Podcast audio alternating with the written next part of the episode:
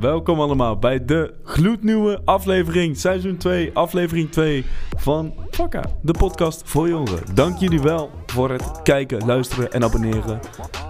Doe gewoon even, heb jij het aan, hebben wij het aan, kunnen wij dus mooie dingen weer maken. Jullie kunnen lekker kijken en hey, dan helpen we elkaar. Wat fijn jongens. Eh, mijn naam is Thomas en vandaag zit ik hier samen met Diem. De welkom. De Diem, nee. de Diem, vind ik leuk. nee, welkom man. Jij, eh Diem komt vandaag een keertje meekijken jongens als, eh, als co-host potentieel. Yes, yes. Even kijken hoe het gaat. We hebben vorige week hebben we onze aflevering opgenomen. Dat was een mooie aflevering. Check hem. Zeker. Check hem alsjeblieft. Jongens, kijk even mooi terug naar, eh, naar aflevering 1, seizoen 2. Eh, het is, ik moest wel even wennen, man. Ik zeg je heel eerlijk. Ja. Ik hoor altijd. Ah. Ja, maar ja, we waren ook met z'n tweeën. Maar het ging dat- goed, dat het ging goed. Zeker waar. Het is sowieso een mooie aflevering. Goede dingen besproken. En de, de onderlijn was goed. Dus, dus alleen die moet je ook eh, zeker kijken. Ja. Zou ik doen. Check. Dus eh, ja, daarom eh, zit Diem nu aan tafel. Eh. Vorige week hebben we ook verteld en uitgelegd waarom Ennis eh, een stapje terug doet. Ehm, en daar hebben we natuurlijk alle respect voor. Dus eh Ennis, als je kijkt, shout naar jou, Baruski. Vakka dan. Dus Diem. Vakka. Vakka, man. Vakka. Ja, lekker, man. Jawel. Lekker rustig aan. Rust. Vakantie. Vakantie. Dus, Beetje dus. vakantievibes. Ja, zeker, man. Of is veel werken? Sorry? Of is veel werken? Nee, nee, nee. Zeker veel vakantie, man. Ja? Elke dag twee uur wakker. denk ik. Dat is echt vakantievibe. Weet je hoe laat ik vanochtend opstond? Gooi het eruit. Half zeven. Oh, zeer, echt zeer. Niet voelig. Ja, morgen ook. Overmorgen ook. Ja, ik moet wel nog werken, man. Vakantiebaantje. Oh, je hebt gewoon vakantiebaan. Ja, man. Mijn oude stage. Gewoon, ehm uh, de vakantieweken draaien we nu. Gewoon kinderen omheen heel de dag. Wel vermoeiend, wel leuk, verdient lekker. Dus hey, ik ben daar. Ja, je moet denken aan je bankrekening, hè. Nou, ik moet denken aan mijn studie. Ja, oké, oké. Ik kon niet lenen, dus dan moet ik geld verdienen om mijn studie te betalen. Maar dat komt wel goed. Maar fijn dat je er bent, man. Ja, dankjewel, man. Ja, Fijn dat ik mag zijn. Ja, alsjeblieft. Dus, eh, mocht je bevallen, hey. en het bevalt ons ook. Hey. Misschien eh, is Hey. die, eh, krijgt die microfoon dan een mooi lepeltje zo. eh, De die. de diem. de diem. Vind ik, ah, tof, die houden we er wel in. Die hou ik aan, ja. We hebben Tums en de diem. Ja, nice. Nou, en verder hebben we aan tafel Celine. Welkom. Dankjewel. Ja, eh, vandaag gaan wij dus jou aan tafel. En eh jij bent de dame die heel het ontstaan van de podcast van heel dichtbij mee heeft kunnen maken en mogen maken. Je bent zelf jongerenwerker uit Eindhoven, eh, voornamelijk in Woensel. Celine, welkom. Dankjewel. Hoe gaat het met jou? Eh ja, momenteel een beetje zwaar. Mhm. Eh, jij was om half zeven wakker vanochtend. Hm. Ja. Jij was toen nog wakker? ja, ik was nog wakker. Slaap wilde maar niet komen, dus ja, dan kun je wel wachten. Maar als die niet wil komen, dan komt hij niet. Zeker. Dus een beetje, beetje tranquiel, zo zou, zou ik maar zeggen. En eh, werd ook nog wakker met een eh, eh, vreselijk nieuws. En eh, ja, dat hakte er wel eventjes in. Dus eh, Mhm. ik ben gaan werken vandaag wel. En daarna ben ik toch eventjes naar huis gegaan om eh, een dutje te doen. Dus ehm, Snap ik. ik ben nu hier, ja. Wil je het nieuws delen met de kijkers? Of heb je zoiets van, nou, ik even bij mezelf? Nou ja, eh, dat kan. Ehm, eh, ik heb begrepen dat eh, eh, er een ongeluk is gebeurd. eh, eh, nou is het twee dagen geleden geloof ik. eh, twee jongens die met een buggy eh, ehm, er tegen een paal aan zijn gereden. En ehm, ja, en allebei ken ik vanuit het werk ook, zeg maar. Eh, Mhm. jongens die vaak ook kwamen voetballen en zo. Mhm. En daarna even chillen samen. En eh, ja, één daarvan is gewoon, eh, die, is, die is overleden. Die is er niet meer. Mhm. Dus dat hakte er wel in. eh, Heftig. ja, heftig, meer dan ik dat, dat had verwacht. Zeg maar. Condoleerd. Ja, en ook voor de familie en vrienden van degene waar het nu over gaat. Voor alle sterkte. En ja, ik zou niet weten hoe dat allemaal moet voelen voor andere mensen. Ja, bizar. Dat Ja. het zo, zo makkelijk toch ja, kan gebeuren. Ja. Eén op een andere dag. Ik weet niet precies wat er is gebeurd, maar ja, er waren verder ook geen betrokkenen of zo. Ze waren gewoon aan het rij- rijden, normaal, weet je wel. Ehm, er moet misschien iets, eh, ik weet het niet. De- zo is het gelopen. En de andere jongen die, eh, eh, die schijnt wel uit zijn coma te zijn eh, ontwaakt. Maar goed, dat zijn allemaal verhalen die ik zo hier en daar hoor. Eh, ik weet niet hoe het met hem is eigenlijk. Dus eh, ik hoop het beste en ik hoop dat hij snel weer beter wordt en eh, onder ons is weer. En eh, dat hij eh, het slechte nieuws eh, hopelijk op een Goeie manier. goede manier kan verwerken. Ja. Ja. Ja. In ieder geval dan inderdaad gecondoleerd voor alle nabestaanden. Veel sterkte. Veel sterkte toegewenst in donkere tijden. En eh, eh, Ja. houd het kopje hoog. Ook in, in deze tijden en met dit nieuws. Mensen, alsjeblieft, zorg voor jezelf. En daarmee voor anderen. Ja. Ja. Zullen we overgaan op wat, eh, wat leuke nieuws, Sally? Let's do it. Let's do it. Want we hadden het net even over de toekomst van de podcast. Hmm. Dat die misschien erbij blijft, zeg maar, als co-host, als het dan bevalt. Maar de podcast is ergens begonnen. Want we zitten nu in seizoen 2, aflevering 2. Ehm, en eh, daar is natuurlijk een heel seizoen aan vooraf gegaan. Maar voordat het seizoen eraan eh, aan vooraf is gegaan, is er een hoop achter de schermen in motion gezet. Waardoor wij uiteindelijk bij de podcast gekomen zijn, zoals hij nu eh, hier staat en hier bezig is. En daar ben jij best wel betrokken bij geweest. En ik zou zelfs durven zeggen, een van de redenen dat die podcast er is. Weet je nog waar het dat ongeveer begon? Ons avontuurtje. Ja. Ja, dat weet ik wel precies. Vertel, vertel, Ehm, vertel. Gooi het Ja. eruit. Nou ja, eh, vooral in de coronatijd eh eh probeerde ik zoveel mogelijk contact te houden met jongeren. Mhm. Eh, waaronder af en toe ook met jou, met wat wilde ideeën om toch een soort festival op te zetten, wat helemaal coronaproof zou zijn en zo. En, eh, Was waren- gelukt, is helaas niet doorgegaan. Ja, we waren er bijna. Zo close, jammer, echt jammer. zo Ja. Echt, de tickets waren al in verkoop, zeg maar. Wa- Waardoor was het dan niet doorgegaan? Het was een combinatie van eh aangescherpte maatregelen en eh, publiciteit, eh, wat niet helemaal lekker liep. Mm. En die combi heeft het gewoon de das omgedaan. En dan was het Oh. klaar. Ja, Maar het, was zo close. Ik heb, oh, maar het concept ligt gewoon klaar, Ja, weet je wel. Dus sowieso. wat dat betreft, eh, wanneer het kan en wanneer we er zin in hebben om een feestje op een goede manier, dan trekken we die weer gewoon uit de kast. Zeker En, waar. Dan sta ik weer naast jou. gezellig. Maar goed, op die manier eh, veel contact gehouden met jongeren. En ehm, eh, ja, wat ik vaak hoorde is dat, eh, dat er toch misschien wel dingen te doen vielen. Jongeren hadden best wel frisse ideeën. En, eh, maar goed, wat, waar kun je daarmee terecht? Hoe kun je dat misschien wel realiseren? En als jongerenwerker vind ik belangrijk om goed naar de verhalen te luisteren en te kijken welke wegen bewandeld kunnen worden om ze in ieder geval kenbaar te maken bij eh, die plekken waar, eh, waar het gelegd moet worden. Mhm. En ehm, ja, zo rond januari, ehm, eh, was het geloof ik de 24ste of zo, eh, kwam Ja. het nieuws dat Eindhoven een beetje in een vuur en vlam stond hè, bij... eh, Ja, en daarvoor hadden we, had ik van jou een mailtje gehad, weet ik nog. En daar is het voor mij een beetje Ja, begonnen. precies. Dat was net daarvoor inderdaad. En dat was uiteindelijk de laatste zet inderdaad. Die, Die dat er zoveel ja. gebeurde onder de bevolking in Eindhoven. En niet alleen in Eindhoven trouwens, maar gewoon in het hele land.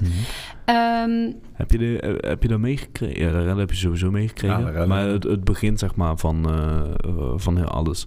Want ik, ik heb het, het is voor mij begonnen met een, een mailtje van Selim. Die een berichtje had gekregen op LinkedIn, was het ja, volgens dat mij? ving ik op, ja, van een of andere beleidsmaker Ja, eh, van de van, van de gemeente, gemeente. Eindhoven. Ehm, en eh, ja, daarin stond eigenlijk een beetje zo in de trant van... wat kan de gemeente eh, voor je voor doen jongeren. en hoe is het met je? Mhm. Dus gericht aan de jongeren. En eh, ja, die oproep heb ik naar een aantal jongeren waar ik close mee ben, zeg maar, of Mhm. vaker mee eh, spar, heb ik gemaild. En een van de jongens was ik, jij. was, ik was best wel kritisch in de mailtje, ben ik heel eerlijk over. Ik had Ja. een best wel kritisch mailtje teruggestuurd met... eh, fijn dat ik eindelijk van ze hoor. Eh, Ja. Ik zie dit en dit misgaan. En ik denk dat als we nu nog eh, een maand zo doorgaan... dat, eh, Dat uit de alle, hand loopt. dat letterlijk uit de hand loopt. Ja. En eerst kregen we daar best wel langzaam gehoor op. Dat snap ik ook wel, want ja, hey, iedereen kan een kritisch mailtje schrijven, bla bla bla. Maar vervolgens ging de boel ook in de hands. Ja, En dat was inderdaad 24 Ja. januari. Ja, het was de, de mail trouwens van eh Rosaliek van Geel. Nou weet ik het weer. Ah, ja, ik moest klopt, eventjes eh, goed nadenken hoe ze ook met haar achternaam heet. Dus dat was wel echt fijn dat dat eh, zo naar buiten kwam. En dat jij daarop reageerde. Hmm. Eh, je had het ook langs je kunnen laten liggen natuurlijk. Hmm. En NS reageerde ook. Dus op die manier zijn we eigenlijk met de gemeente in contact gekomen. Ook uiteindelijk met de wethouder, Renate Klopt, Richters. ja. Daar hebben we toen een gesprekje mee gehad. Ja, Dat was best wel een, eh, Eh, ja, ik vond hem vermoeiend vooral. Het was een goed gesprek, maar je weet wel als een gesprek zo goed is dat hij zoveel energie wegvreet. Ja, ja, ja. Zo'n gesprek was het echt. Het was, eh, eerst vroegen ze van hoe gaat het met jullie? Eh, nou, en dan zat ze shit, ik had mijn shit uitgelegd. En waarom, Hm. eh, hoe, hoeveel impact daarvan is door COVID, wat kunnen wij als gemeente doen? En daarna ook nog eens van, oké, hoe ziet de rest van de jongeren het? Want ik had gelobbyd, weet je nog? Ik had op Instagram die post geplaatst.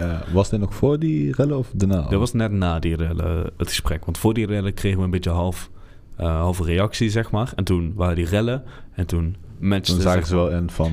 nou, weet je wat Oh, mooi was? Ik had gewoon voorspeld van ja, dan gaat het de hand lopen klaar. En vervolgens liep het uit de hand en het was... Oh die ja, jongen, die jongen, hij moeten we hebben. Interessant. Ik weet nog heel goed, eh, in de meute stond... eh, interessant dat Thomas zo... eh, dat hij dit gezegd heeft, dat hij zo scherp reageert. Dus we willen hem graag spreken. De- dat was het berichtje wat ik terugkreeg. Maar had je niet van tevoren het gevoel van... Zullen ze wel naar mijn kritiek luisteren? Of, Oh, hey, maatje, ik zeg heel eerlijk, dat boeit mij niks. Als Oh. jij mij vraagt hoe of wat, dan krijg je een eerlijk antwoord. En wat jij ermee doet, is aan jou. En eh, sowieso in het sociaal domein, ik doe graag eh, allerlei dingen. Net zoals inderdaad dat festival waar we het over hebben gehad. En ik heb bij Zelin eh eerst stage gelopen voordat, voordat ik naar het hbo ben gegaan. Dus eh Zelin kent mij en weet mij te vinden en andersom ook.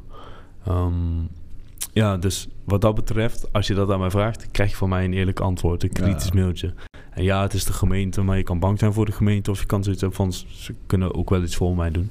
En ik heb dat gewoon met twee handen aangepakt, denk ik. Ja, ja en, en eh, weet je wel, het zijn geen mensen die, eh, eh, die zo ver van ons afstaan, terwijl dat wel zo voelt. Ja, oh, het heel zijn eerlijk. ook mensen die gewoon op zoek zijn naar goede oplossingen en wat kan. En, en dat er mensen zijn zoals jij, en zo zijn er wel meerdere die willen spreken, die willen uitleggen wat er aan de hand is met in hun eigen leven, hoe zij bepaalde zaken zien. Vanuit de praktijk, ja, dat heeft het systeemwereld ook nodig om uiteindelijk goed beleid te maken of bepaalde programma's uit te zetten of bepaalde subsidieregelingen te treffen of bepaalde voorzieningen eigenlijk mede eh, op gang zetten. Dus het is super belangrijk dat jongeren ook gewoon beseffen dat zij ehm, moeten spreken. Hmm. En je moet wel weten wat je zegt. Hè? Geen wilde westen verhalen, want dan wordt niemand natuurlijk gewoon serieus genomen. Dat begrijpen we allemaal. Die moet je alleen delen met NOS. Ja, ja, nou ja, dat is ook een manier. Maar ehm, ja, er, er is zoveel eh, kennis bij jongeren en zoveel levenservaring op dat gebied, zeg maar, van wat er onder de jeugd speelt, waar ze tegenaan lopen en wat voor ideeën ze hebben om daaruit te kunnen komen. Ehm, frisse ideeën en moedige dingen, ja, daar, daar, daar zitten volwassenen ook wel op te wachten. Als we dat op een goede manier bij elkaar brengen, dan ontstaan er ook echt wel mooie dingen, dat geloof ik. Eh, nou ja, ik, ik geloof het niet alleen. Ja, precies. ik zit er nu middenin dat dit is precies. ontstaan vanuit dat initiatief om de stem van de jongeren te laten horen. En eh, wie is die persoon die nou hier bij Vakka zit? Ja, en wat is haar of zijn verhaal? En wat heeft hij te brengen? Ja, die willen mensen horen. Hmm. En daarmee een stukje herkenning ook van jezelf. En daarmee misschien dat je dus meerdere mensen met je verhaal kunt inspireren. Om welke kant dan ook dat ze op mogen gaan. maar ik heb, Dus- oh, ja, Ja, nee, ja. Zeg. Ik heb ook wel het gevoel zeg maar, dat ook heel veel jeugd eh, het gevoel krijgt dat ze niet gehoord worden. Zeg maar. Ja. En daardoor ook heel snel gedemotiveerd raken om te spreken. Zeg maar. Ja. Maar, of ja, zeg maar. ja, nou ja, dat kan ik me voorstellen. maar dat Ja. daar dan misschien ook, eh, dat daarom juist de reden is, ook is van, eh van zeggen ze dat ze ook eh, minder, ja, hoe, hoe Thomas het had gedaan, de initiatief gaan nemen en zo. Ja, ik hoop vooral mensen daarmee ook te inspireren. En zeker in dat gesprek wat ik en Ennis dus uiteindelijk met Renate Richters, de wethouder van het Sociaal Domein hier in Eindhoven, hebben gehad. Eh, waar Roselieke ook bij heeft gezeten en eh Celine ook bij heeft gezeten. Daarna hebben we dus eerst ons verhaal verteld en daarna vroegen we van... Hé, wat zouden jullie dan doen? Nou, en Ennis kwam met een paar mooie ideeën. Ik kwam met een paar mooie ideeën. Dus hebben we de website laten aanpassen... zodat het nog makkelijker te vinden is van de gemeente. Want eerst stonden alle regels een beetje verspreid, weet je wel. Hebben we gezegd van, geef ze gewoon één pagina... Uh, met daarop alle informatie waar je met één klik op de knop gewoon alles ziet. Uh, van hé, hey, wat zijn de regels nou, maar ook waar moet ik terecht? Of hé, hey, fuck, ik heb uh, geldproblemen nu man, money is laag, uh, ik kan niet meer thuis wonen, hoe moet, hoe moet ik die fixen? En dat je dan ook op, op de website gewoon kan zien van hé, hey, ik heb financiële problemen, klik. Waar kan ik terecht? Precies. En ja, een andere daarvan was de podcast man. En daarbij hadden, had ik gewoon mijn idee van ik wil dit en dit delen. En zeker na die rellen, ik wilde gewoon een keer dat, dat gesprek aangaan. Dus daarom alsjeblieft mensen, hij is wat lastiger te vinden. Maar kijk hem terug, want hij is heel belangrijk om een keer van de andere kant ook te zien hoe het daar is om tussen zo'n menigte te staan. We hebben de Hems daarvoor uh, uitgenodigd toen die is erover komen vertellen. Dat is aflevering 1, die is te vinden op Spotify. Dus die link staat uh, in de beschrijving beneden, dus uh, klik er even op en luister die ook. Um, en daarbij vertelt hij over dat hij erbij was en een maatje van hij die vast heeft gezeten door de rellen. Um, en geeft er wat meer inside information met hoe het daar is met de groep, groepsdruk, met welke emoties ze daar stonden en dat soort dingen. Dus goede podcast, daar raad hem echt aan. Hm. Um, en verder, ja, de podcast, wat deze podcast voor mij is. Dus ik heb het uitgestipt, ik heb het er ondertussen even snel bijgehaald, dus ik ga hem ook voorlezen. Uh, Vakket is voor mij een podcast waarbij taboes worden doorbroken en een begrip wordt gekweekt door te luisteren naar het verhaal, de visie, de ervaring en of de functie van de ander. De podcast staat in het teken van bruggen tussen mensen en functie te verkleinen en stereotypes benoemen en doorbreken. Wie is de persoon achter de functie of achter het stereotype? En dan de missie door uh, op een leuke, speelse en echte manier het verhaal te delen en kritische vragen te stellen, creëren wij begrip en inzicht bij de luisteraars over stereotypen, functies, personen en thema's. Dat alles door gewoon een keertje te vragen. Fakka. Dat. Uh, Fakka, man. Fakka. En dat, dat, dat, dat doet deze podcast voor mij en daarom vind ik het belangrijk. En daarom vind ik het ook interessant om al die gesprekken en verhalen te delen en te horen en te hebben. Uh, om de vraag te kunnen stellen die andere mensen misschien niet kans hebben om die vraag te stellen. Want uh, net zoals dat ik met jou vorige week of ja, precies, ja. over het kamp heb kunnen hebben. Hoeveel mensen. Toch luidspreken voor de rest. Uh, uh, vind ik mooi compliment, dankjewel. Zo zou ik mezelf nog niet noemen, want zo groot zijn we nog niet. Maar ik uh, mik wel op inderdaad dat mensen naar deze podcast kunnen luisteren en iets kunnen leren. En dat ze echt zoiets hebben van, oh yo, hey, nou snap ik die persoon beter. Nou, een ander beeld. Ja, gewoon begrip, gewoon begrip. Ja. Vind ik belangrijk. Ja. Dat ook veel vooroordelen weggaan. Ja, dus liefst wel. Ja. want hoe je het of went of keert, iedereen heeft een keer geleerd van, oh, als ik naar die kijk, denk ik dit. En dat, ja, af en toe is het goed, hè, daar niet van. Hey, als je s'avonds als meisje buiten op straat loopt, en zit die jong, jongen met uh, black jacka en die, die komt jouw kant op gelopen, ik zou ook omdraaien. Maar af en toe heb ik ook zoiets van, kom jongens. Weet je wat ik zou doen? Ik zou zeggen, fuck man. dat is een goeie, ja. Dat is een goeie. Yeah. Ja, leuk. Nice ja. Netjes, netjes. Jij mag blijven voor mij. Nee, en toen inderdaad dus de, de podcast, seizoen 1. Ja, ja, toen zijn jullie gaan starten. En uh, ja, voor mij was de taak weggelegd. Um, Oké, hoe kan uh, ik vanuit Dynamo, Dynamo Jeugdwerk, uh, een plek bieden en dat bij elkaar brengen, zodat een podcast uiteindelijk ook opgenomen kan worden. Nou, al dat technische kant van het verhaal, daar, dat ken ik niet, dat weet ik niet. Uh, ik weet wel dat iets goed moet klinken en zo. En, uh, maar hoe dan precies? Ja, er zijn andere mensen voor. Zou dat naar onze dames trouwens technische kant? ja, precies, precies.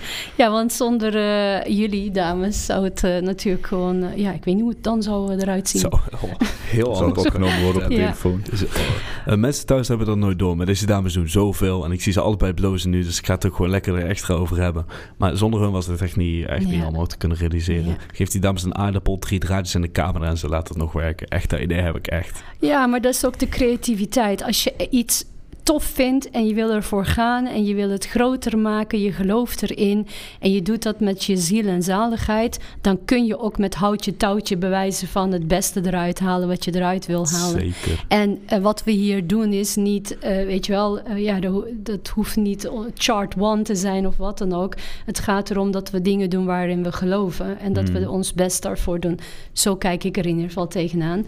En gaandeweg is het ook leren, denk ik. Ik bedoel, voor jou is het misschien ook wel uh, in het begin, uh, ja, heb je er zin in of zo? En dan je hebt het nooit, nog nooit gedaan.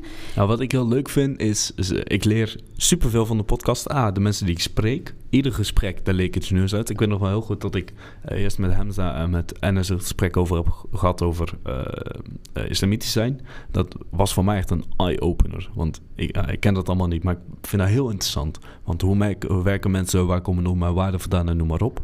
En daarna heb ik dus uh, de kans gekregen om Jasper, die christelijk was, uh, en um, Camel samen aan de tafel te krijgen. En dat hun met mij het gesprek aangaan. Want het mooie was, ik dacht eigenlijk van, oh, er zal wel verschil in zitten tussen die geloven. Maar die zijn zoveel hetzelfde. Dat was voor mij ook een eye-opener. En daar zou jij ook vast wel je eigen mening over hebben gehad. Want jij hebt het ook gelovig. En misschien nog wel was het geen geloven dan Jasper.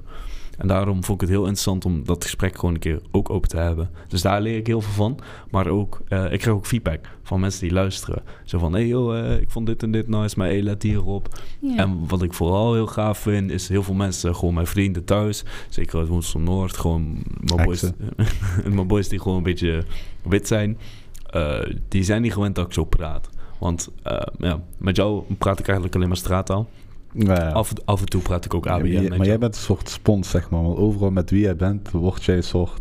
Ja, zeg maar, jij kan je heel snel veranderen. Ja, man. Dat, dat, dat was ook op, op, de opleiding was dat echt mijn, mijn kunst. Ik kon daar heel snel van, hé, als een boykie naar me toe komt en dan begint straattaal te praten dan.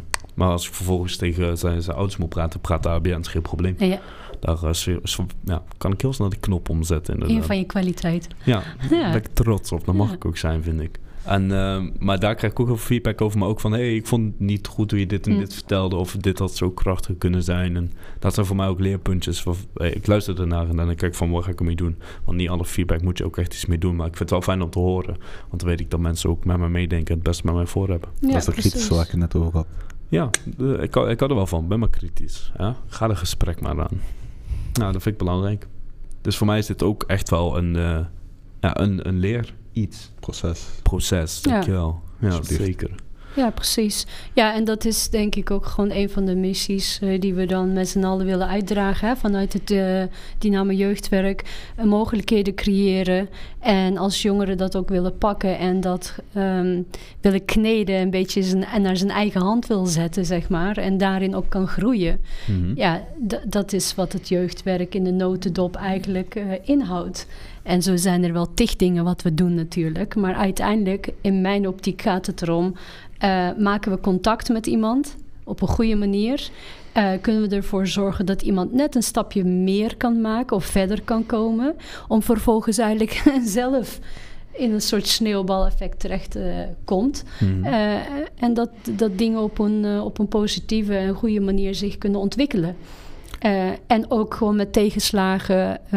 Uh, ja, dat je bij. daarmee om kunt gaan of wat dan ook. En dat het oké okay is, want ja, it's life. Zeker. Ja. Zeker, dat is goed gezegd. En dat it's life, tegenslagen horen er ook bij. En berg en dalen. Ja, zeker. Het is echt een leerweg. Maar niet uit wat je doet. En zo ben ik ook bij jou binnengekomen met de leerweg. Want Ja. voor, uh, we hadden het er net al snel over met Dima voor de mensen thuis. Ik ben uh, vroeger stagiair geweest van, uh, van Stelling. Uh, als sociaal-cultureel werker toen nog. En destijds heb ik stage gelopen in uh, uh, jongerencentrum De Uitwijk hier in Eindhoven. Zit in de generale, Generale buurt, ja. Rond uh, winkelcentrum Moesel voor de mensen die lokaal zijn. En uh, ik weet nog heel goed dat ik daar ook binnenkwam. Ik was heel erg zoekende. Ik had ook een team wat niet zo heel gemotiveerd was. Maar ik was er, ik was er wel. Ik was er iedere dag. Opende ik met sleutel, het jongerencentrum. Zat ik er, deed ik mijn activiteit. Werkte ik met dingen uit. Kreeg ik Celine net een mailtje aan het eind van de week. Wat ik allemaal gedaan had. Um, en uh, ik had ook Niek gehad als stagebegeleider. En die combi die heeft mij heel goed gedaan. Maar bij Niek had ik heel erg van, hey, let hierop. Uh, je moet uh, een eye-catcher zijn. Wat is je X-factor? Um, je komt net voor de dag. Weet wat je doet en hoe je aanpast. Bij jou is heel erg, dit is de structuur. Ben je bewust van hoe je overkomt. Vertel dit en dat. En hey, doe eens een, een, klein stapje extra. Of vraag eens een keer extra door. En die leerweg die heeft mij ook geholpen. En ik denk dat als ik beide niet had gehad, dit er ook niet was geweest. Want dit is en een stapje extra. En ik heb een keer, een keer de kans om een keer een extra vraag te stellen.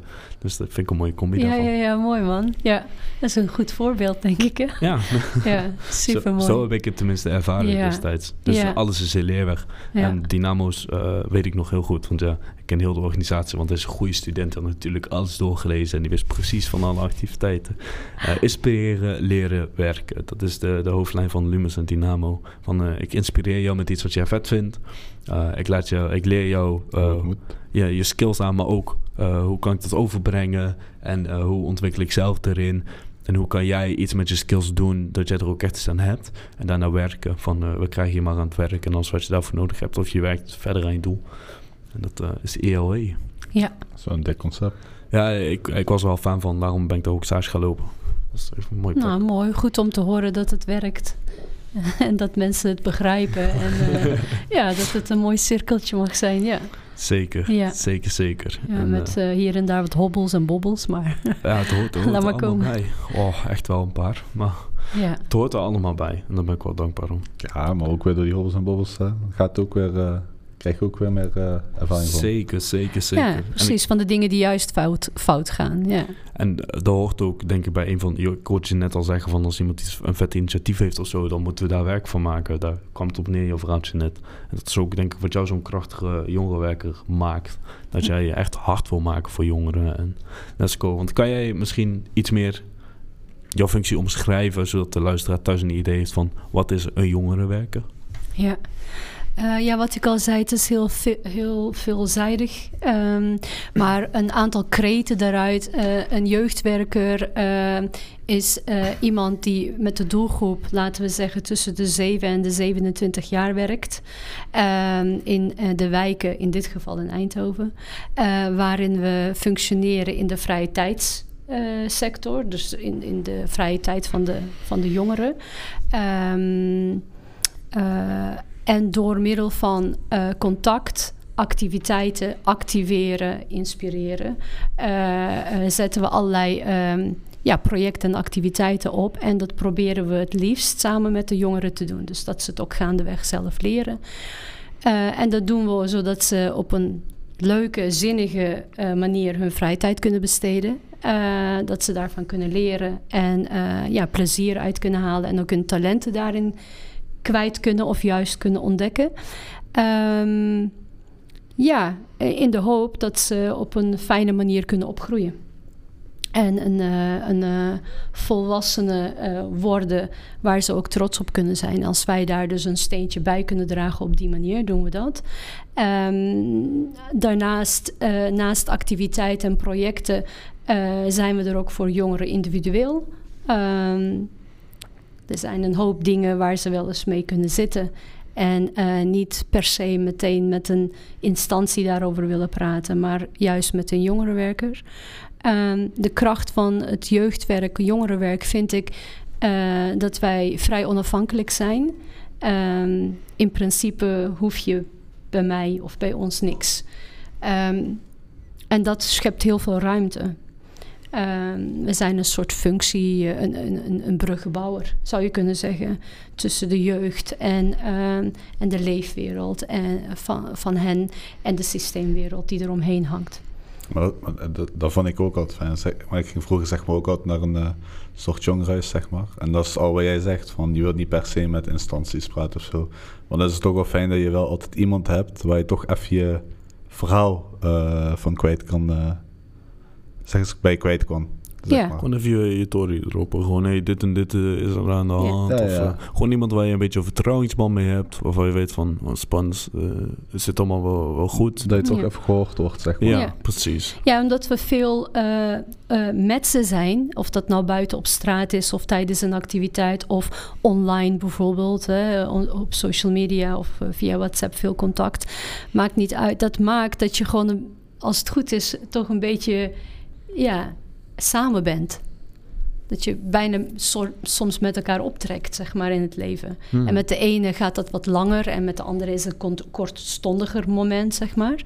En eh, dat schept dus heel veel ruimte, omdat er dus vertrouwen ontstaat. En ehm, ik had het net over die instanties. Zij je zei ook van, eh, ja, sommige jongeren willen daar eigenlijk niks mee te maken hebben. Ehm, soms is het juist heel erg belangrijk dat ze wel inzien dat het wel heel goed is dat ze in contact komen met een instantie. Ja, natuurlijk. Ehm, natuurlijk. maar om daar te komen heb je wel eens gewoon even een chill momentje nodig. Ja, Of een besefmomentje nodig. En eh, Moet ik je tegen die deur aanlopen voordat je weet hoe die open gaat? een keer Ja. een eye-opener. ja, Gewoon even. ja, en op dat moment eh, is een jongerenwerker echt wel iemand die vanuit het vertrouwen ehm, met een jongere over cruciale zaken kan hebben. Hmm. Als er wederzijds vertrouwen is natuurlijk. En dat kan dan eh, eh, ja, uiteindelijk zeg maar de missing link zijn tussen eh, die stap wel zetten om hulp te gaan zoeken of professioneel hulp te gaan zoeken of een bepaalde vraag neer te leggen waar je heel lang mee worstelt. Hmm. En die functie vervullen wij ook. Nice. Dat is een uitgebreide functie, maar ik denk zeker een functie die niet onderschat moet worden van zijn waarde. En eh, zeker, eh, ja, dan mag ik echt wel zeggen als eh, social work student, nu HBO jaar 2, ga naar jaar 3. Als ik kijk naar wat alleen al bijvoorbeeld zo'n coronacrisis doet met jongeren, mentale gezondheid. eh, Ja. We hebben meerdere gasten hier aan tafel gehad die het, waarmee ik daar ook uitgebreid over heb kunnen hebben. Dus check ook die afleveringen, want de lessen die je daaruit hoort is belangrijk. En mensen, als je ermee kampt, zoek alsjeblieft hulp. Maar het gaat oplopen komende jaren. Ik kan je vertellen dat het sociaal domein overbelast gaat worden de komende jaren. En als ik alleen maar kijk naar alleen een burn-out, gewoon, ik heb te veel gewerkt, ik heb te hard gewerkt en ik loop op mijn tenen. Hoeveel mensen daar nu last van hebben door onder andere de crisis, maar ook de wereld die eruit zag voor de crisis. En moet je nagaan hoe de wereld eruit gaat zien na de crisis. En een depressie en eenzaamheid en alle andere dingen waar je gewoon tegenaan loopt als jongeren, ouderen, maar ook steeds meer jonge kinderen van 11 jaar die al zoveel thuis moeten doen omdat mama in het ziekenhuis ligt of papa moet nu ineens heel veel werken of juist huiselijk geweld wat achter de deur is omdat ouders steeds meer thuis zijn waar je normaal niks van hoort. Gewoon daarvoor frustraties. en daarvoor vind ik het sociaal domein zo belangrijk, want wie ga je naar binnen sturen? Hey, als daar een kind geslagen wordt. Ja, politie, weet je, dan wordt die man opgepakt. Dan is het probleem nog niet weg. Of uh, wie anders. Uh, weet je wel, iemand, een docent. Nou, we moeten een docent die is alleen voor het kind en juist het sociaal domein. Is iemand die getraind is en het hart op de goede plaats heeft zitten. Meestal. Echt een 90 van de gevallen. Je hebt af en toe helaas ook een geval waarbij het uitschiet of het verkeerd uitpakt. Maar stuur die naar binnen, laat die hun ding doen en dan wordt meestal gekeken naar wat de beste situatie is voor beide partijen en hoe ze het best kunnen oplossen, zodat het probleem in ieder geval zo veel mogelijk afneemt en verhelpt. En natuurlijk, het is een sensible topic, want je werkt met mensen en wat jij goed vindt, kan ik niet goed vinden. En tuurlijk, tuurlijk. noem maar op. En hoe je daarmee omgaat, dat is altijd lastig, maar we worden wel getraind om die keuzes bewust te maken en te kiezen uh, in het belang van de ander. Het is een heel onselfish beroep. En ik heb als hm. op de opleiding gehoord. Um, dat is een leuk verhaal, ging ik delen trouwens. Social workers zijn superhelden. En dat vond ik best wel mooi, man. Want ik heb zelf... Uh, ik ben ook leiding bij scouting. Dat heb ik volgens mij al eens gezegd. Ik werk met kindjes van uh, tussen de 4 en de 7 jaar. Superleuk. Nou, we hadden het een keer met carnaval over beroepen. Van wat wil jij worden, wat wil jij worden? Nou, heel de groep afgegaan en vervolgens kwam ze bij mij. Zei, Thomas, Thomas, Thomas, ja, wat wil jij worden? Dus ik even nadenken.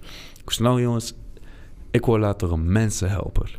Kijk maar aan, hè, mensenhelper, wat bedoelt die Wat bedoelt die Dus de vroeg kindje, wat bedoel je? Wat doe je? Nou, ik studeer uh, om mensen later zo goed mogelijk te helpen, zodat jouw problemen weg zijn en zodat jij uh, gewoon fijn kan leven. En één zo'n kind, we waren maskers aan het maken, die laat alles uit zijn handen vallen en die kijkt me grote ogen mee aan van, hè? En hij zei, Thomas, fluisterend door heel de zaal. Heel, het was fluisteren, maar iedereen hoorde het, zeg maar. En zo, word jij superheld? dus ik moest, ik moest lachen. Dus ik denk, ja, superheld, hoe bedoelt hij superheld? Dus ik um, vraag, nee, uh, ben ik ook een superheld als ik uh, geen boeven vang? En alle kinderen in één koor, ja! dus nou, ik word later uh, superheld. Yeah. Maar het is stiekem ook wel een beetje superheldenwerk. Want iemand die zich zo aan kan passen aan andere mensen... en die af en toe zo'n cape om moet doen om de dag te redden op een manier waarop een politieagent dat niet zou kunnen. Uh, omdat hij ook een imago achter zijn, functie heeft staan. Maar ook uh, een normaal mens niet zou kunnen, omdat hij misschien de professionaliteit mist. Dat is toch wel een dingetje, denk ik. Ja, ik vind ook, zeg maar, want heel vaak zeggen ze van uh, jongere werkers zijn eigenlijk geen hulpverleners of zo. Maar aan de ene kant vind ik toch wel dat jongere werkers hulpverleners zijn, maar op een andere, op een andere hoe zeg je het, niveau of zo. Dus, uh, ze, ze kiezen ervoor. Ja. En dat vind ik het mooie. Leg eens uit. Wat, wat, Ja, zeg maar, nee, maar bijvoorbeeld... Uh, je hebt hulpverleners, maar je hebt ook, uh, wat ik net al zei, van hulp, hulpverleners op een ander niveau. Het zijn bijvoorbeeld met de kleine dingetjes, wat al heel veel, bijvoorbeeld al een heel groot impact voor iemand anders kan hebben. Hm.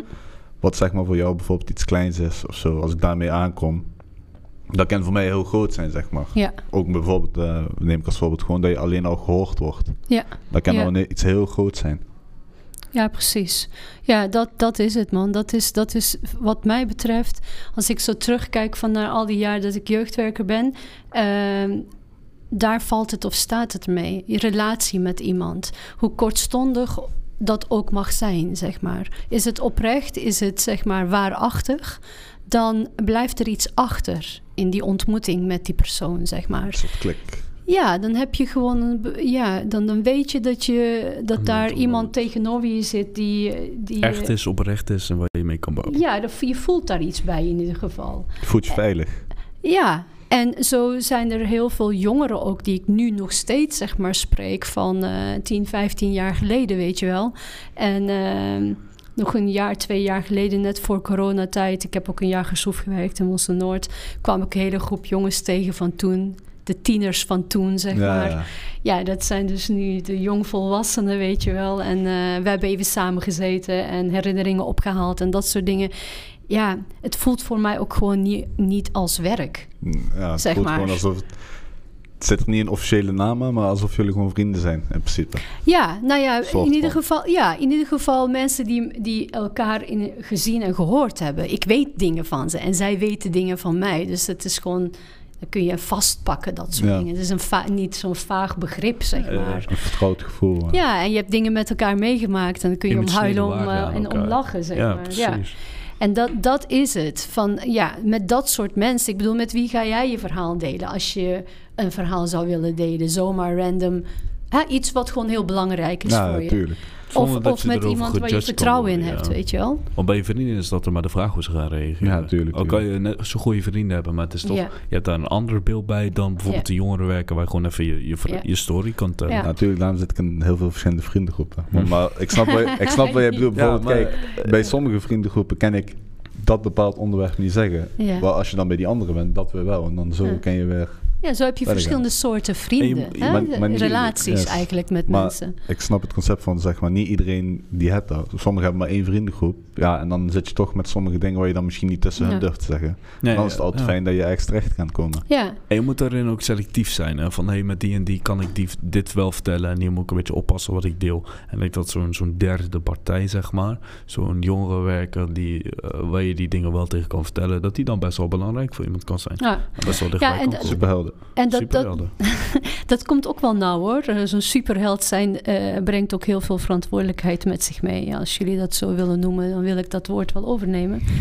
Eh, het is een, Draag super... je cape. Je hebt hem verdiend. Een capeje. Onzichtbare. Maar zo'n zo'n ehm, onafhankelijk beroep, eigenlijk bijna zou je kunnen zeggen. Ehm, daarmee een hele grote verantwoordelijkheid. Want het is soms ook heel lastig. eh, als ik als jongerenwerker zie dat iemand eh, steeds de verkeerde kant op gaat, bijvoorbeeld, of steeds de verkeerde keuzes maakt. En dan wil ik daar niet over oordelen. Eh, het zijn keuzes. Het is zijn of haar keuzes. Maar je ziet dat het schade brengt. En je ziet dat degene daar eigenlijk een beetje mee worstelt.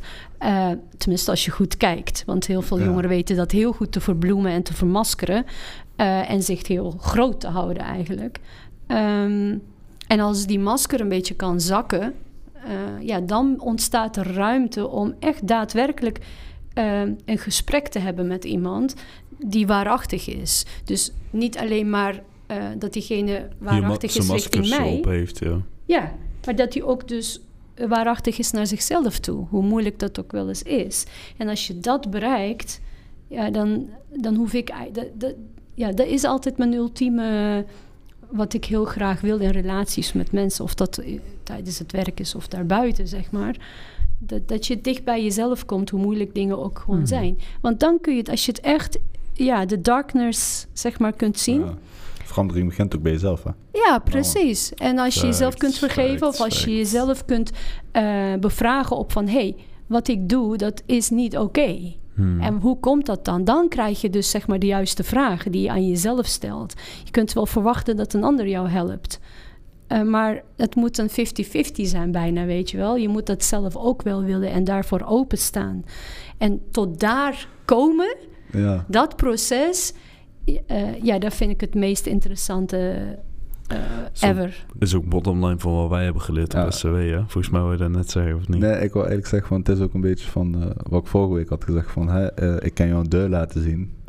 Hm. Maar, Maar, je moet hem zelf open Maar doen. jij moet ervoor kiezen of jij er door, eh, doorheen gaat of niet. Zeg Ja, maar. man. Ja, En dat is ook Ja. de bottomline die wij op de opleiding gehad hebben. Dat zul je ook gehoor- gehad hebben. Maar je kunt ook je, iemand anders niet helpen voordat je jezelf kunt helpen. En eh, om je problemen op te lossen, moet je eerst met jezelf gaan kijken van... hé, waar zitten die problemen? En hoe, hoe dit, dat. En, Hoe voort, hoe voort. Ja. ja. En dat is heel belangrijk voor de mensen thuis. Dus als je nog daar iets over wil zeggen, pak je camera een momentje. Daar is je camera. En eh, spreek in de camera in wat vind je belangrijk dat mensen daarmee doen. Die eh, door een lastige situatie gaan. Of Eh, dergelijke. Ja, dat eh, voelen. En dat het zeer doet. Of dat je boos bent. Of dat je gewoon iemand bewijzen en zelfs pijn wil doen. Of eh, al die dingen. Die, dat zijn emoties die, die, die we allemaal wel eens in meer of mindere mate voelen. Is oké. Ehm, want als je het pas voelt, dan kun je er echt naar kijken. En als je jezelf niet veroordeelt dat je bijvoorbeeld, eh, weet ik het, agressieproblemen hebt of wat dan ook. Als je dat niet veroordeelt, maar dat aankijkt, wat dat is, wat dat agressie is, dat staat, dat ben jij niet. Dat is een eh, emotie wat de overhand neemt over je hele biologische zijn, zeg maar. Dus laat, laat die vooroordelen over jezelf of wat anderen van je vinden varen, maar durf gewoon eerlijk naar jezelf te kijken. Ja. En als je besluit om een ander pad in te slaan en daarbij ook nog eens iemand naast je wil hebben die je kan steunen daarin, stel die vraag ook, want iedereen eh, loopt met die shit eigenlijk rond eh, in min of mindere mate. En je bent niet de enige die daarmee worstelt en het is geen schande.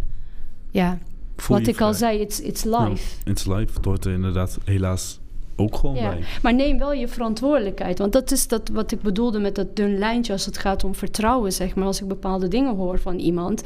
Ik ben vooral ja, vanaf het begin eigenlijk wel heel duidelijk met jongeren waar ik mee ben. Ik bedoel, ik ben ook iemand en ik voel ook dingen. En ik, moet ook, ik heb ook mijn burgerplicht of wat dan ook. Ik, eh, er is ooit een verhaal, kan ik wel delen. eh, lang geleden, een jongen die had geld gehad. Mhm. En dat had hij dan eerlijk tegen mij verteld. Groot ik hem- bedrag? Of... eh, nee, dat viel eigenlijk ook wel mee. Wel mee. Hmm. Maar uit de kluis van het eigen huis, zeg Oh, maar. Ja, Ja, dat... In de family. Ja. Ehm, en eh, uiteindelijk, lang verhaal kort, hij, heeft dat wel tegen mij gezegd. En op het moment dat ik het wist, heb ik ook, moest ik ook een keuze maken van wat ga ik hiermee doen. Want ja, eh, ik kan wel zeggen, ja, dat is een slechte keuze geweest en de volgende keer niet meer doen. Nee, maar dat is, eh, het is niet oké. Dus ehm, er kunnen twee dingen gebeuren. Ik weet dit nu. Ik kan je helpen om op een, ja... ehm, Zo Fatsoenlijke mogelijke manier. ja, Ja. met zo min mogelijk schade. Hè? Dat, Ja, je, dat je jezelf niet helemaal eh, de grond inricht. Maar, eh, maar wel met jou. eh, eigenlijk moet jij je eigen held zijn. Ja, Die cape zelf dragen. Dan loop ik wel naast je. Door wel die stap te zetten naar die persoon toe. Om te zeggen van oké, hier is het geld. Of dat komt eraan. Ik heb dit gedaan. Weet je al, beken en wees eerlijk daarover. Ehm, en ik wil dan gewoon vanavond weten wat je beslissing is. Want als jij dat niet gaat doen, dan sta ik niet meer naast je. Ik kan dit ook niet zomaar aanhoren en niks meedoen. Weet je wel? Dus ja, ik ben niet een doofpot, zeg maar. Ik ben geen Eh, biechtstoel. Ja. ja, precies. Dus, ehm, en ja, verkeerde dingen gebeuren nou eenmaal, maar er is altijd wel een soort van een oplossing. En die oplossing, dat kan ook wel eens betekenen dat het vervelende consequenties voor je heeft. Maar uiteindelijk, als je er doorheen gaat, kun je wel met een geheven hoofd, weet je wel, zeggen van ik heb het gedragen. En de, Plus, het is. Ja, weg. sowieso. Ja, en dat, dat heb jij dan zelf gedaan. Je bent door je eigen shit gegaan, zeg maar. En dat maakt je de man, wat mij betreft. Maar ik denk dat jongerenwerkers stiekem ook wel veel, veel shit over zich heen kunnen krijgen hoor. Want eh, net zoals, eh, ik pak even een voorbeeld. hè. Inderdaad, draag je verantwoordelijkheid en doe zelf je ding. Maar ik denk dat misschien de buiten, mensen die daar buiten staan, eh, volwassenen die een, eh, een baan hebben en nog nooit iets van jongerenwerk hebben gehoord, die zien dan bijvoorbeeld van, oh, er gaat zoveel per jaar uit richting de maatschappelijke sociaal domein, eh, zoveel miljoenen, maar er gebeurt niet zo heel veel mee. Want ik merk er zelf niks van en die hangjong op de buurt staan nog steeds en we hebben nog steeds rellen in Eindhoven. Hoe is dat voor, voor jou als jongerenwerker? Wat, wat zou je graag willen zeggen tegen dat soort mensen?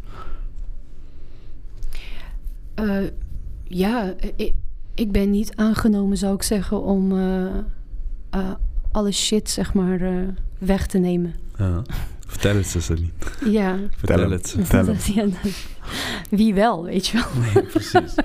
Want Dus- we hebben wel een capeje en we doen ons best, maar ik denk dat je zult nooit, zeg maar, je zult altijd de foute dingen zien. Dat is het naar aan, Ja. aan ons werk. Want je ziet de dingen die er die niet goed gaan, wat wij lastig vinden, waar we tegenaan lopen. Maar daarnaast doen we zoveel, maar dat wordt...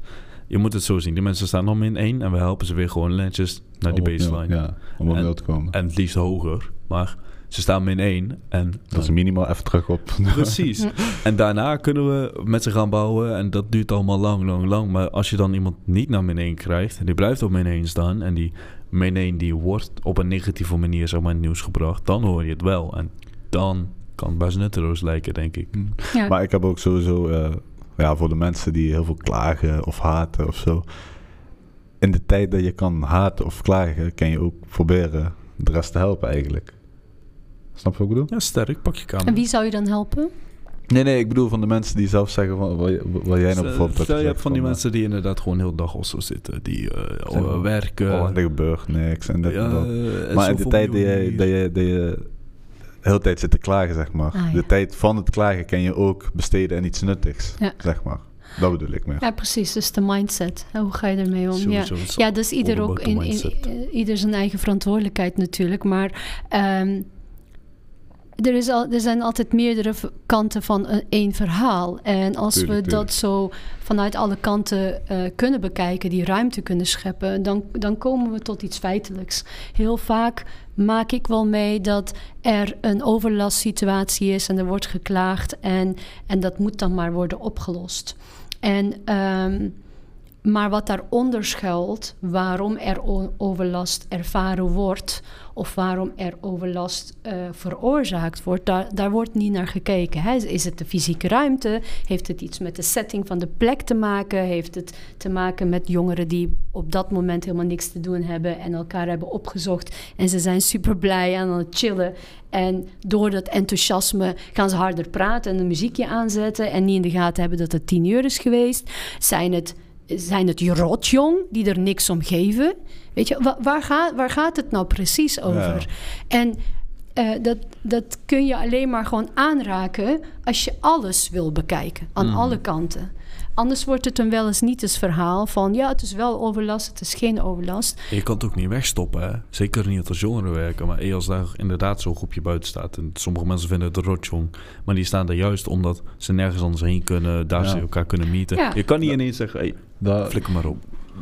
Nou ja, op zich wel, want als jij gewoon, want dat is ook de andere kant weer van het verhaal van eh, dat je jong bent en ergens met een groepje wil gaan staan, is geen vrijbrief om tot middernacht zeg maar zoveel kabaal te maken en zoveel rotzooi achter te laten dat de achtertuin van de mensen gewoon waar je op uitkijkt. Nee. Weet je wel, Nee, daar is, heb je dan gelijk in. Maar er is een verantwoordelijkheidsgevoel van allebei de kanten, van de Mhm. jeugd, maar ook van de klager in dit Maar geval. als je het op wil lossen, denk ik dat je moet kijken naar inderdaad de- de- die, die ground zero. Van hé, eh, heel dat, dat riedeltje wat daar vooraf is gegaan, dat ze daar staan. Van hé, we hebben daar geen ruimte, bla bla bla. Je moet dan de kern aanpakken, terwijl hier misschien een probleem is.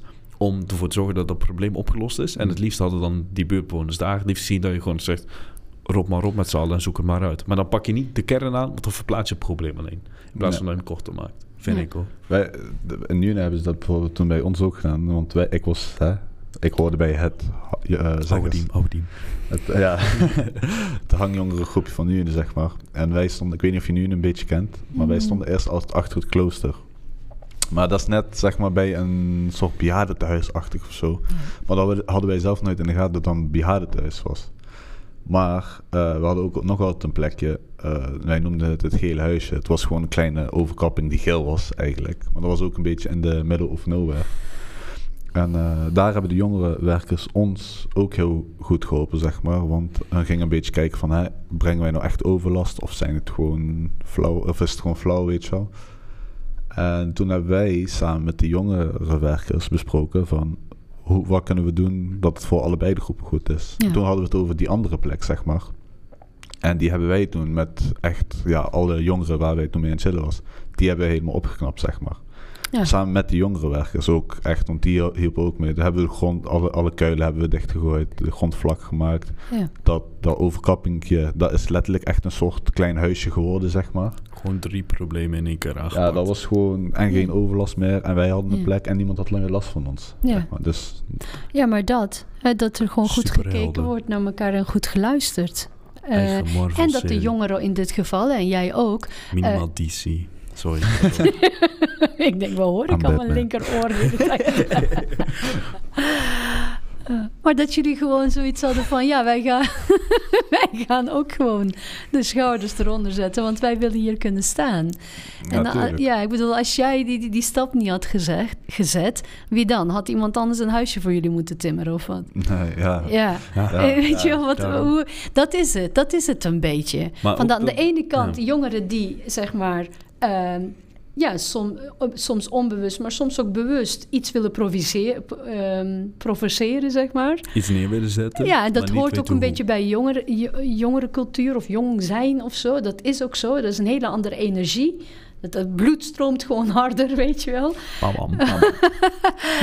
Tenminste op bepaalde tijden. Maar um, de, ja, dat we daar ook een beetje toleranter in worden, dat zou ik wel zeggen, willen zeggen tegen mensen. Maar aan de andere kant, ook tegen de jongeren, zeg ik ook altijd van ja, uh, wat zou jij ervan vinden, weet je wel? Als dit jullie huis was en jullie mama en jouw zus, die kunnen niet slapen of wat dan ook. Dus je moet altijd even die rollen een keer omdraaien. Even mhm. goed kijken naar de zaak en niet meteen gaan miepen over, zij klagen over ons. ja, zij klagen misschien ook niet voor niks. Ja, ja heel, heel Maak het jezelf niet lastig, zou ik zeggen. Ja, en als je een plekje hebt, hou het, hou het schoon, weet je wel. Hou het netjes, hou het schoon, dan kun je volgende dag weer komen. Ja, ja. Nee, Zo simpel dat, is dat, het. Dat, deden we wel af en toe, want uh, af en toe vrienden... Ja, ik had dan af en toe vrienden er, uh, tussen zitten, zeg maar. Die kwamen dan ook echt gewoon met een bezem en een harkaan.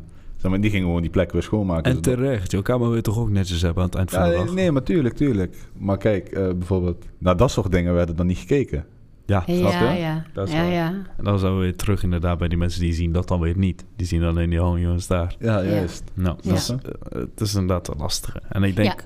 En dat is van, echt van twee kanten kijken. Precies, precies. Ja we maken het onze cameracrew wel heel moeilijk met al die switches, zo, volgens mij. Want uh, volgens mij is de white shot uitgevallen. maar dat is geen probleem. Wat is dat? maar Salim, bottom line, ik ben het heel erg met jou eens. Uh, als ik jou zo hoor praten, van pak dan ook inderdaad je eigen verantwoordelijkheid en kijk van, hey, uh, ook als werken van kijk nou, waar, waar liggen de behoeftes van beide partijen? Is daar een middelground te vinden? En daar zijn die superhelden gewoon supergoed in, vind ik. En dan maak er wel een grapje over van, hey, superhelden, bla bla. Maar het is echt knap werk van hoe ga jij twee partijen die boos zijn op elkaar uh, allebei een goede win-win geven. Ik denk dat dat heel belangrijk is. En dat dat ook een hele mooie ending note is uh, van vandaag. Want inmiddels is er al flink wat tijd verstreken. Dus uh, dat gezegd te hebben, dankjewel Celine. Alsjeblieft. En, a.k.a. Wonder Woman. en onze, onze try-out co-host de Diem. De Diem. en uh, sowieso SO naar alle mensen strijders die helemaal tot het einde hebben geluisterd. For real man, love. Vergeet niet te abonneren, te liken, te subscriben, heb ik al een keer gezegd. Te delen en te commenten. Doe het allemaal gewoon even. Het is gratis, weet je. Je helpt er ons mee, we helpen jullie mee, want wij kunnen leuke dingen blijven creëren die jullie kunnen kijken. En jullie geven ons feedback en zorgen ook gewoon dat wij deze dingen kunnen, kunnen maken voor jullie. Zo win-win. Beetje superheldenwerk. Je, je mag kritisch zijn. Mag kritisch zijn. Ja, dus uh, ik zou zeggen, deel hem ook via social media. Hoe meer mensen kijken, hoe meer mensen de boodschap krijgen. En verder wil ik gewoon zeggen, mensen, jealous.